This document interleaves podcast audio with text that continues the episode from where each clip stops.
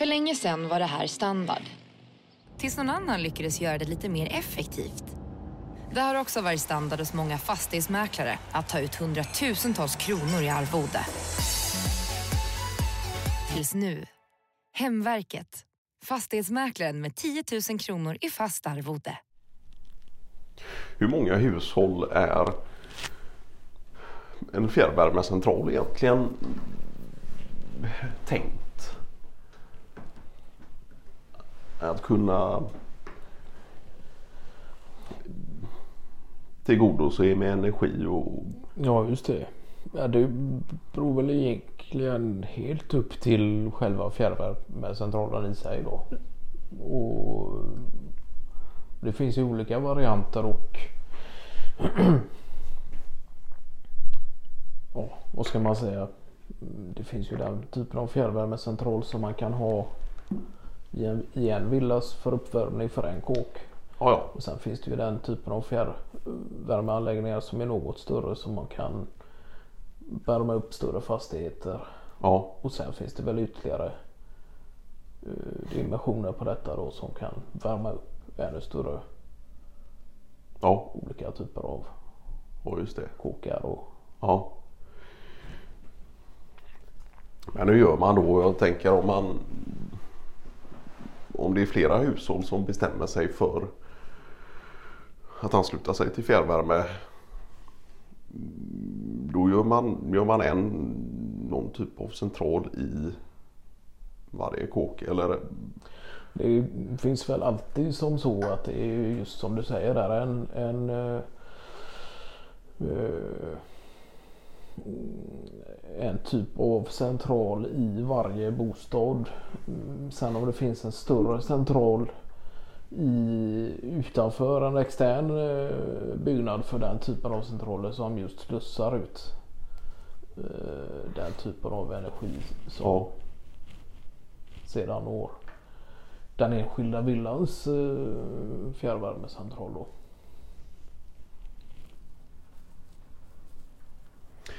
Martin Fahlin får ju in eh, halva sin eh, kraft via solnät då. ja, Och sen resterande har han eh, den redan befintliga ja, ja och att upp, uppvärmningen är kopplad till fjärrvärmecentral ja, Men att lysen och sådär går på solel då. Men det vet man ju vissa som ja, säljer överskott av solenergi ja, vidare och på så sätt mer eller mindre har en nolla på elräkningen. och då krävs det väl lite större ytor för detta då. Ja, Men det har väl varit många som har just haft tankarna kring just solceller och, och den typen av lösning i de här dagarna som är med alla priser och liknande. Ja. Och att det skulle kunna vara en lösning och, och att det i sin tur eh, gör att det kan bli svårt att få tag på det på marknaden i och med att Ja. det är så efterfrågat då. ja, Men det man ska komma ihåg det är ju också att det är ju det är ett material i sig också som inte har en evig livslängd utan det kan behövas bytas ut efter en sådär 20 års tid. eh, Och ja, ja, att det finns olika typer av miljöaspekter även på det då. ja just det.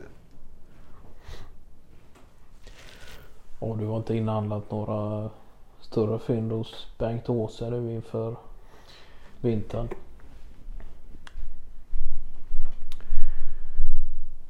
Han har en del dunkläder kvar i, i Ja det har han.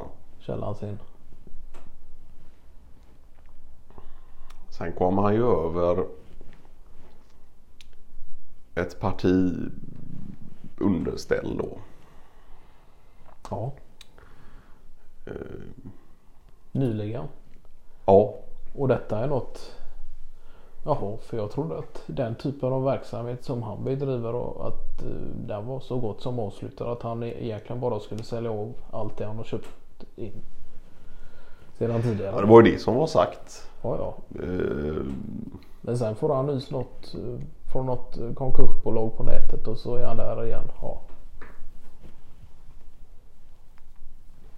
Nej, så det här var underställ med eh, ja, andningsaktivt eh, underställ med något typ av isolerande lager av ull då. Eh, Då är det ju tydligen så att